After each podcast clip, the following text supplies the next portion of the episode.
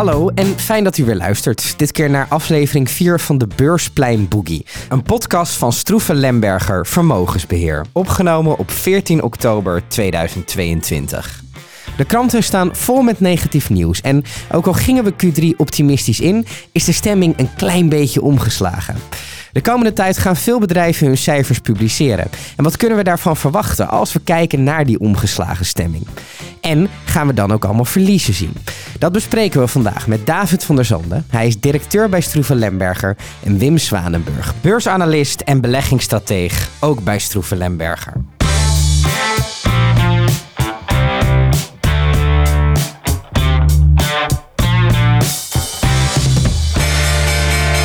David, Wim, uh, welkom. Um, als ik het nieuws uh, bekijk uh, of op de radio luister, dan heb ik het gevoel dat de wereld in de brand staat.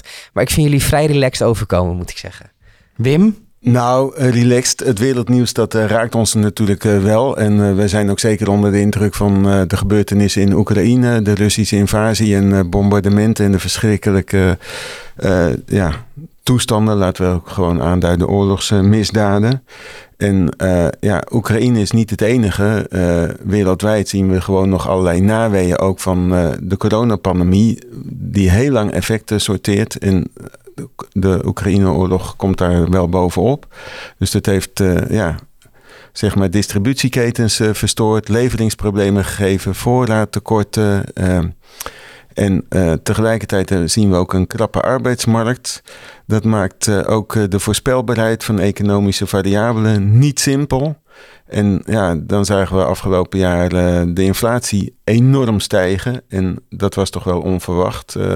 dat ging zeg maar alle ramingen te boven. Zowel van de beleidsmakers, van de centrale banken als ook van, van ons. En ja, de rentestijging die daaruit resulteerde die heeft wel uh, enorme opschudding op de financiële markten gegeven.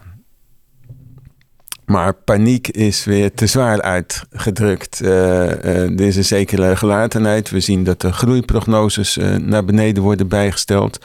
Inflatieramingen. we moeten er een beetje, denk ik, voor oppassen dat we te veel extrapoleren. Dus de huidige trend doortrekken alsof die heel lang zou gaan duren. Natuurlijk, energieprijzen hebben uh, ja, ook uh, gevolgen gehad voor, voor de andere type prijzen en hebben ook bijgedragen aan de inflatie.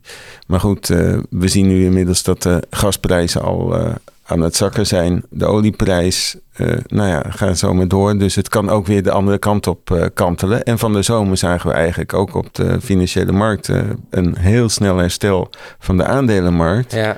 Met name ook uh, uh, gebaseerd op de gedachte dat de Fed... De Federal Reserve Board. Uh, op een gegeven moment wel klaar is met het stappen, met de renteverhogingen. En dan zie je dat het sentiment heel snel kan omslaan. De kans dat we uh, nog olie of gas ooit uit Rusland gaan halen lijkt me relatief klein. Um, ho hoe zou je die prognose dan toch willen doortrekken als je gewoon gaat zien dat het moeilijker wordt om, om aan dat soort energiemiddelen te komen? David, hoe kijk jij daarnaar? Nou, ik denk dat uh, als je kijkt naar de westerse, uh, westerse economieën, die hebben een heel duidelijk signaal afgegeven natuurlijk aan Rusland. Ja, um, geen gas en uh, binnenkort ook geen olie meer um, uit, uit Rusland. En dat doet, dat doet het nodige natuurlijk met uh, de verschillende economieën. Dat merken we met name in Europa. Mm -hmm. um, en dat, nou, er worden op allerlei manieren wordt dat probleem nu ondervangen. En het versnelt ook de, ja, eigenlijk de, de energietransitie. Ja. Dus dat is, uh, maar het is wel een, het is wel een uh, transitie die uh, niet pijn. De, het is wel enigszins pijnlijk. Ja, wat nodig is, is natuurlijk spreiding. We zagen natuurlijk al met de coronapandemie dat we eigenlijk te veel afhankelijk waren geworden van productie van goederen uit China. Nou, Europa was eigenlijk ja, er te veel van uitgegaan dat we maar leverantie van gas en ook olie enzovoort uit Rusland zouden, zouden krijgen. En ja, wat dat betreft uh, spreiding en een uh, snellere verduurzaming, dat is uh, keihard nodig. Ja. Kijk, niets is zonder risico. Ondernemen betekent ook de risico nemen. Hè, dat hebben we in, ja, misschien raar voor me, in, in Groningen natuurlijk met Groningen, Groningse gasveld ook gezien. Ja. Hè, dus dat is ook een, ja, jarenlang een hele winstgevende, winstgevend iets geweest voor het Rijk en ook voor de betrokken oliemaatschappijen. Maar dat had natuurlijk voor die omgeving heeft dat geleid tot de huidige situatie. Wat veel risico met zich, met zich meebrengt. En hetzelfde geldt voor ja, op het moment dat je energie, of dat nou olie of gas is, haalt uit landen die politiek uh, aanmerkelijk minder stabiel zijn dan uh, zeg maar West-Europa. Dat herbergt ook risico's in zich. Waar we in het begin van dit jaar in deze podcast nog spraken over enorme chiptekorten, liggen de loodsen nu vol.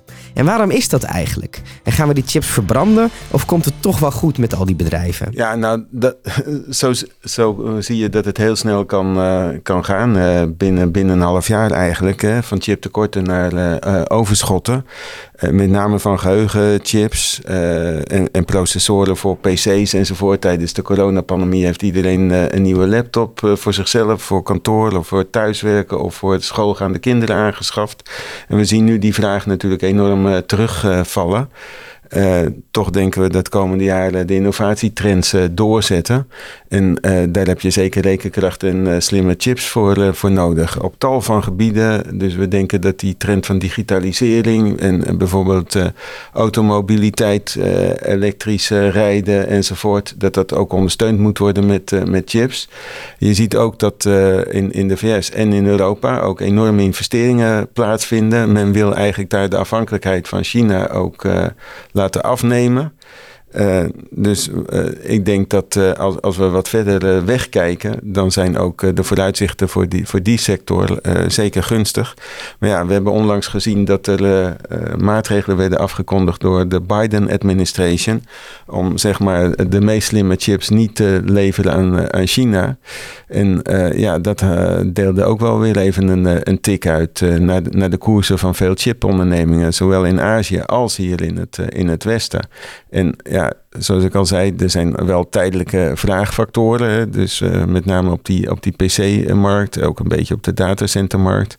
Maar kijken we echt wat, uh, wat verder weg, dan, uh, dan zijn de vooruitzichten voor ja, technologie, investeringen, beleggingen toch echt zeker nog wel gunstig. Dus ik denk ook een heel goed voorbeeld. Je, je, je begon net ehm, je vraag te stellen met jullie ogen relaxed en Wim die, zei, die schetste dat goed. Dus aan de ene kant hebben we natuurlijk te maken met korte termijn ontwikkelingen.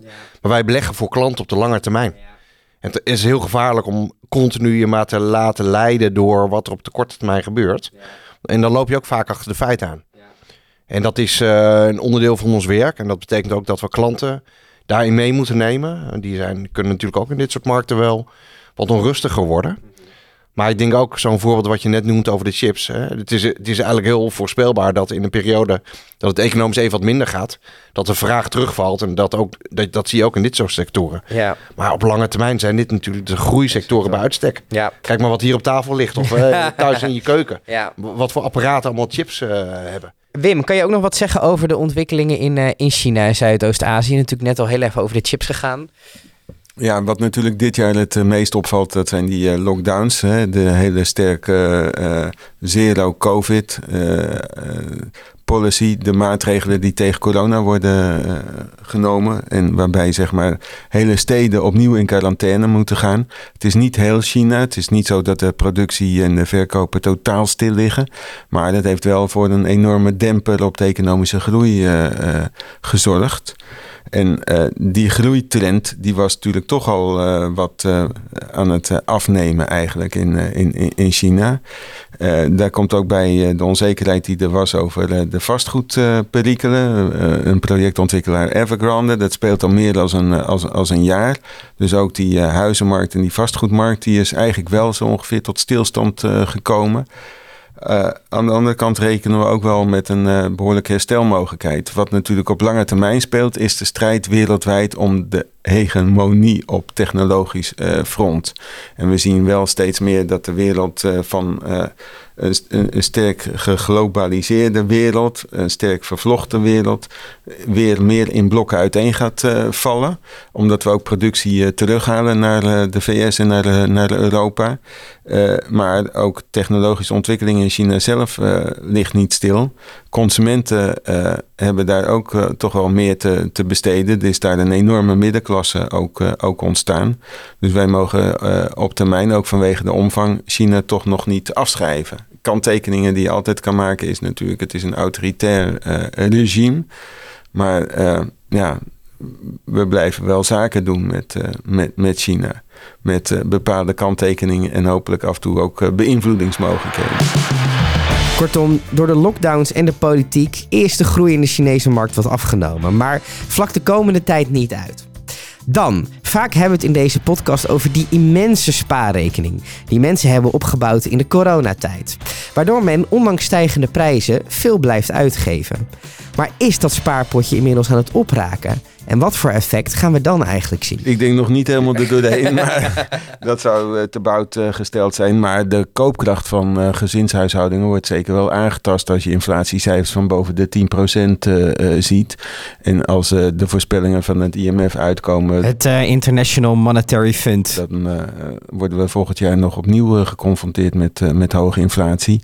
Waar ik overigens wel enige twijfel bij uh, wil, wil uiten of het uh, zo extreem zal zijn. Maar uh, het is duidelijk dat de koopkracht wordt, wordt aangetast en ja, bestedingspatronen worden, worden verlegd. sommige bestedingen zullen zeker kwetsbaar zijn. En waar wij naar kijken is natuurlijk van wat is de concurrentiepositie van, van ondernemingen? Hebben ze prijszettingsmacht? Kunnen ze prijzen doorberekenen? hoe gevoelig zijn ze voor hogere loonkosten en hogere grondstoffenkosten? Dus we screenen onze beleggingen wel. Het is niet zo dat we maar achteroverleunen en, en de zaak aankijken. Hoe het allemaal beweegt. Maar het uh, speelt natuurlijk op elkaar uh, in. En dit jaar een sector die het bijvoorbeeld heel goed heeft gedaan, was bijvoorbeeld de energiesector. De, dan hebben we het over de oliemaatschappijen. Met natuurlijk hogere olie- en gasprijzen. Maar je zag aan de recente winstwaarschuwingen van onder andere Shell dat het toch niet een heel simpel 1-2'tje is. Shell heeft niet alleen olie-exploratie, waarbij ze dus olie uit de put oppompen. Ze moeten het ook verkopen. Ze moeten het ook nog eens raffineren. Nou, in de raffinagesector hebben ze tegenvallende marges. Ze hebben tegenvallende resultaten met gas, met die uh, liquid uh, natural gas markets. Uh, en ook de sector chemie die deed het ineens even slecht.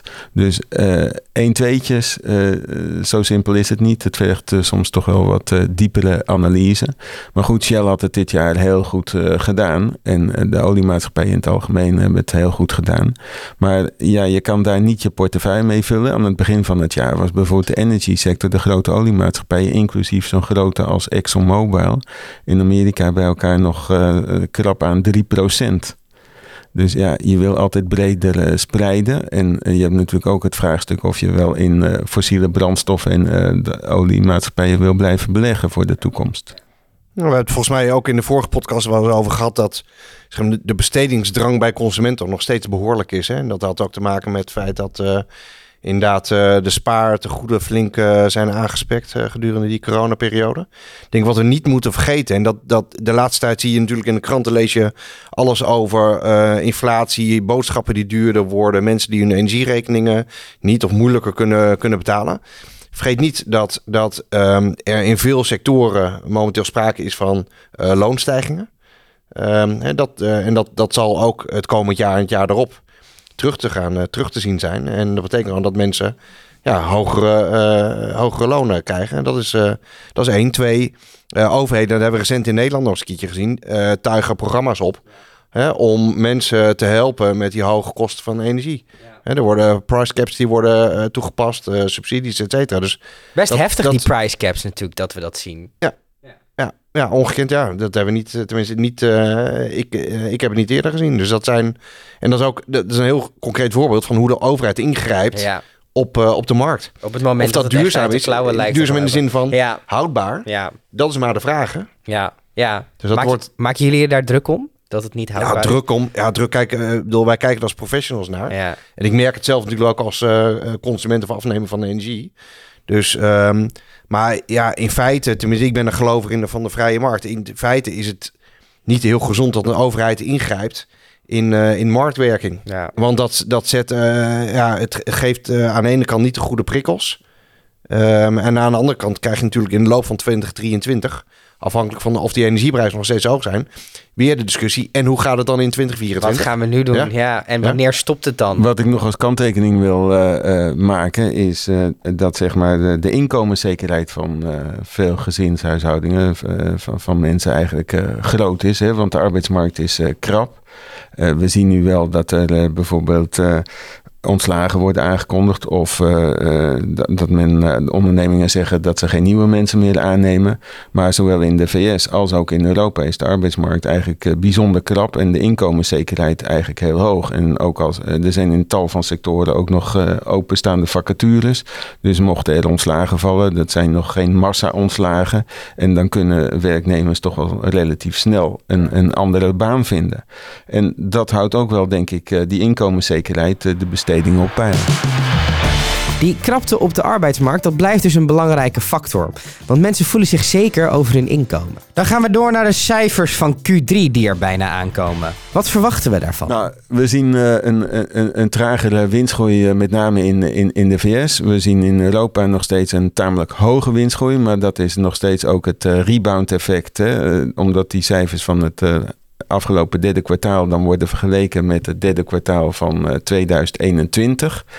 Eh, we zien wel dat de eh, marges wat eh, eh, eh, krapper worden, omdat niet iedere onderneming echt erin slaagt om die hogere loonkosten en hogere grondstoffenkosten, hogere energieprijzen door te berekenen. Eh, eh, en ja, we zien wel dat de analisten de afgelopen eh, maand ook hun taxaties wat neerwaarts hebben aangepast. En eigenlijk in, in de laatste weken in versneld tempo. Analisten stonden onder kritiek van macro-economen en top-down beleggingsstrategen. Van jullie taxaties zijn te hoog. Waarbij ze ook individueel afgingen op de prognoses, eh, de, de outlook van, van ondernemingen. Nou, we hebben natuurlijk wel gezien dat het eh, klimaat eh, eh, verslechterde. Maar als we wat verder kijken naar volgend jaar ook, dan zien we toch nog steeds wel winstgroei. En zowel in de VS als in, in, in Europa. Eh, ja, het lijkt wel tamelijk zeker. Het is bijna een, eh, een, een basisscenario dat in de eurozone een, eh, een, een recessie voor de deur staat. Eh, sommigen zeggen al dat we er zelfs al in zitten in het nu lopende vierde kwartaal. En we hebben net recent cijfers bijvoorbeeld van de Engelse economie gezien. Nou, die, die vielen ook weer, weer tegen. Maar in, in de VS zie je eigenlijk dat de banengroei toch nog steeds redelijk hoog is. Eh, de recessiekans die wordt daar op, eh, op 50% eh, geschat. Maar in Europa, ja, daar is de energieafhankelijkheid ook heel groot. Hè? En daar hebben we ook al enkele productiestops gezien. Het is niet alleen van belang om te kijken van hoe waren nou die winsten over het afgelopen kwartaal. Maar wat zeggen ondernemingen over hun, hun prognoses, hun outlook. En dat is best wel spannend dit, dit kwartaal. Dus, maar wij denken dat de lat ook wat lager is gelegd doordat analisten hun taxaties al wat neerwaarts hebben bijgesteld. En voorgaande kwartalen werden steeds die winsttaxaties van analisten overtroffen door de feitelijke rapportages. Ja. Dus doordat die taxaties al bijgesteld zijn op het moment dat dan die cijfers daadwerkelijk komen, dan valt het in die zin dan weer mee. Ja, we hadden deze week nog eh, juist bijvoorbeeld weer eh, bijvoorbeeld de Franse luxe producent van, eh, van goederen, LV onder andere verkoop van dure champagnes en van leren tassen enzovoort. En eh, nou, de omzet, eh, zij rapporteren geen eh, kwartaalwinsten, maar wel omzetcijfers. De omzetcijfers die vielen relatief mee. En met name door ook de hele goede verkoop in, in, in de VS. Dat is ook iets wat trouwens opgemerkt moet worden over die kwartaalcijfers. In Europa zullen ondernemingen nu kunnen spreken van valutaire meewind. Want de euro die is gedaald ten opzichte van de dollar. En veel Europese multinationals halen een behoorlijk deel van de omzet buiten de eurozone. Ook in de VS, maar ook in emerging markets. Nou, in dollars behaalde winsten terugvertaald naar euro's, die vallen relatief gunstiger uit. In Amerika daarentegen eh, is het een valutaire tegenwind. En eh, nou, strategen hebben al gezegd dat zal waarschijnlijk eh, de meest gebruikte frase zijn in eh, de toelichting in de conference calls voor, eh, voor de analisten. Valutaire tegenwind. En let erop wat de omzet dan, omzetontwikkeling is in, constante valuta. Maar eh, wat dan relatief in meevalt is dat Amerikaanse multinationals relatief veel uit de VS zelf halen. En uh, bijvoorbeeld de binnenlandse omzet voor de Amerikaanse multinationals, die is uh, op totaalniveau zo ongeveer 60 à 70 procent.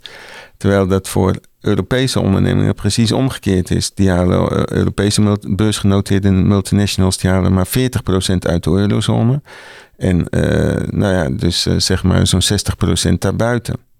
En dat geeft nu ook wel een, uh, een effect op die uh, kwartaalwinsten. Want eigenlijk een, tot een paar weken geleden werden de taxaties voor Europese ondernemingen zelfs nog naar boven toe bijgesteld. Terwijl voor ons gevoel het klimaat steeds verder verslechterde. je ziet allemaal rare effecten natuurlijk. Hè? Dus klassiek is het eigenlijk zo dat als je een periode ingaat van economische neergang, dan dan wil je het liefst wat defensief gepositioneerd zijn. Dus de, de sectoren die minder gevoelig zijn voor economische cycli. Ja. Recent zagen we uh, hakproducenten uh, van uh, de groenten in de potje, potjes, ja, et cetera. Ligt gewoon de productie stil. Ja. Ja, hoezo defensief? Hè? Dat is, ja. Um, dus dus ook in de voeding- en drankenindustrie is het niet zo dat je Ehm, eh, volledig uh, de effecten van wat we nu in de omgeving zien, uh, dat je dat daar niet voelt. Dus, ja. dus ik denk, spreiding is altijd belangrijk. Dat is één. Twee, weet wat, wat de investment case is. Dus op welke gronden neem je een bepaalde belegging op in je, in je portefeuille. En zijn de lange termijn trends nog steeds intact. Dat is, dat is belangrijk. Maar goed, we zullen ook dit cijferseizoen weer bedrijven zien die tegenvallen. Ja. Uh, en bedrijven die, wat Wim net al uh, zei, die waar de cijfers al meevallen. Over cijfers gesproken, obligaties lijken het beter te doen. Wordt het dan ook een interessantere belegging? Begint aantrekkelijker te worden. Ik denk dat de gemiddelde obligatiebelegger die uh, aankijkt tegen zijn rapportage per ultimo september niet blij is. Want obligaties hebben dit jaar echt een verschrikkelijk slecht rendement gerealiseerd. Uh, dat hebben we, denk ik, ja, dat hebben we in historisch uh, opzicht moet je heel ver teruggaan dat, dat dit is gebeurd. Maar er is echt een crash in de obligatiemarkt geweest. En dan moet je echt denken aan, ehm, aan negatieve rendementcijfers van tussen de 15 en 20 procent. Obligaties hebben natuurlijk het karakter van een veilige belegging, stabiel. je krijgt je couponnen en aan het eind van de rit dan wordt de lening normaal gesproken afgelost. als de debiteur nog, nog bestaat. Uh, maar in dit geval, wat er is gebeurd, is dat door de sterke, uh, sterk oplopende rente, maar ook de kredietvergoedingen, die zijn sterk, uh, sterk uitgelopen, zijn de koersen van heel veel obligaties gedaald.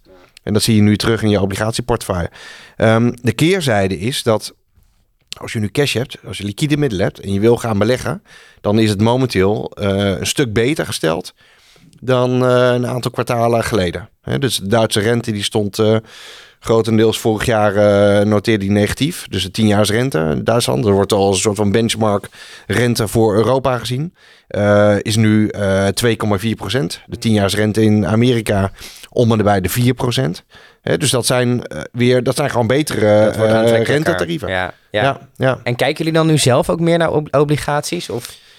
Wij zijn, wij zijn best nog wel uh, wat terughoudend, omdat we er rekening mee houden dat uh, uh, die rente nog wel wat verder kan gaan, gaan oplopen. Dus we zitten nog niet echt op het vinkentouw om al posities uit te gaan breiden. Ja. Maar wat ik net zei, dus je ziet in bepaalde categorieën, we hebben het over staatsobligaties, maar ook in bedrijfsobligaties, dat de aanvangsrendementen die zijn echt een stuk, stuk beter. beter. Ja, ja. Dus het kan best zijn hoor, dat we in de komende kwartalen dat weer wat meer aan de koopzijde gaan, uh, gaan opereren. Maar momenteel is het nog wat, uh, is nog wat vroeg. Het is ook echt super onrustig. Als je kijkt naar de Britse uh, obligatiemarkt bijvoorbeeld. Daar vliegen de, gaan de rentes echt, die stuiteren op en neer. Ja. Door eigenlijk specifiek hoor. Dus dat, dat heb je misschien in de krant gelezen wat er toen Liz Truss aantrad, ja. aantrad en de nieuwe plannen bekend werden gemaakt. Toen ging het pond kreeg een flinke tik en de zorgen over de Britse overheidsfinanciën die namen enorm toe. Met als gevolg ook dat uh, de rente in uh, het Verenigd Koninkrijk hard opliep. Ja. Uh, met als gevolg dat veel pensioenfondsen in problemen kwamen. En die moesten allemaal activa die ze op de balans hadden gaan lozen. En daardoor liepen de, ja, de koersen van die obligaties terug en liepen de rentetarieven weer op. Je ziet momenteel in die obligatiemarkt zie je rare dingen gebeuren. Instabiel. Het is instabiel. Uh, David noemde ook dat uh, zeg maar de premies, uh, de kredietpremies opliepen. Dat is zeg maar de extra rentevergoeding die bedrijven geven bovenop de rente van staatsleningen. Die is de afgelopen periode ook opgelopen. En beleggers die verlangen zo'n premie als vergoeding voor het kredietrisico wat ze lopen. Mogelijke hè, wanbetaling of mogelijk zelfs faillissement. Maar tot nu toe is het aantal faillissementen gewoon heel erg beperkt. En zeker voor het grote internationale bedrijfsleven, waar we wel zien dat het midden- en kleinbedrijf het gewoon moeilijk heeft, zien we eigenlijk dat het grote internationale bedrijfsleven afgelopen jaren al bijvoorbeeld uh, de looptijd van de heeft kunnen verlengen. Dus die hebben nog gebruik gemaakt van een relatief lage rente. En uh, nou, die komen ook op grond van de kaststroom, de winsten van de afgelopen kwartalen, nog niet direct in, uh, in, in problemen. Dus het zit uh, wat de kredietkwaliteit vooral bij het midden- en kleinbedrijf. Maar toch zien we dat dat sentiment zich vertaalt naar die obligatiemarkt en dat ook die kredietpremies zijn, zijn opgelopen. Nou, uh, high yield bijvoorbeeld, dat is dan het meest riskante categorie. Daar zijn de premies helemaal uh, behoorlijk opgelopen. En ja, op een gegeven moment zeg je van ja, die zijn zo aantrekkelijk. En er zijn eigenlijk is een hele golf van faillissementen verdisconteerd, zit al in de koersen verwerkt, terwijl die er niet komen. Ja. Want we hebben ook afgelopen kwartaal, afgelopen twee jaar eigenlijk al meerdere keren gehoord dat er een faillissementsgolf zou, zou aankomen. Nou, die is steeds maar niet geweest. En uh, economie is uh, stabieler gebleken dan, uh, dan we hadden gedacht. En als je nu ook kijkt naar bijvoorbeeld het recente Global Financial Stability Rapport van het IMF, die kijkt naar bijvoorbeeld de stabiliteit in de financiële sector. Nou, die constateert ook dat de banken hun buffers hebben verhoogd. dat tot dusver inderdaad die faillissementen zijn, zijn meegevallen. Natuurlijk, toezichthouders signaleren altijd risico's. Ook daarin zeg maar, is de boodschap van we hoeven nu nog niet in paniek te geraken. Met al die schommelingen, is cash niet de manier om de aankomende tijd door te komen? Ja, cash kan voor de korte termijn best wel een interessante optie zijn hè, binnen een beleggingsportefeuille. Met name in periodes dat het heel onrustig is. Ja. Hè, dan weet je dat die euro, dat blijft een euro. En, maar op het moment dat jouw beleggingshorizon 10 jaar is of 15 jaar dan is cash niet een goede beleggingscategorie. Want hè, we hebben te maken met uh, inflatie. Uh, soms is die inflatie 1, 2 procent. Nu zitten we in de periode dat die inflatie een stuk hoger is. Ja. En dan wordt die euro in termen van koopkracht, dat wordt minder. Je hebt ste een steeds grotere sok nodig. Om dan heb je een grotere sok nodig ja, om daar meer, meer, meer euro's in te stoppen. Dat klopt, ja. Dus um, je hebt te maken met, uh, met de fiscus. Um, en vergeet niet dat als je kijkt naar aanvangsrendementen nu van obligaties die zijn een stuk aantrekkelijker. Daar word je ook vergoed voor een stukje kredietrisico. Voor het, uh, voor het stukje uh, tijd hè, dat je je geld uitleent. Dus die vergoeding heb je niet, niet bij cash. En um, ik denk aandelen is ook bij uitstek een beleggingscategorie waar je als belegger wordt gecompenseerd ook voor specifieke risico's. En bedrijven die zijn, tenminste als je de juiste bedrijven kiest, in staat om prijsverhogingen ook door te geven uh, aan de consument. Hè? Dus als je bedrijf hebt met pricing power, wat wij dan noemen, dan uh, ja, dat kan ook de inflatie uh, ondervangen. En dan word je daarvoor gecompenseerd als, als belegger. Ja. Dus ik denk zelf dat, ehm, nogmaals, als, als tijdelijke allocatie is, kan cash best wel interessant zijn. Maar het is niet een beleggingscategorie voor de lange termijn. Tot zover aflevering 4 van de Beursplein Boogie. Alles wat we vandaag hebben besproken en nog veel meer kunt u vinden in de kwartaalvisie. En deze is te lezen op www.stroevenlemberger.com. Graag tot de volgende aflevering.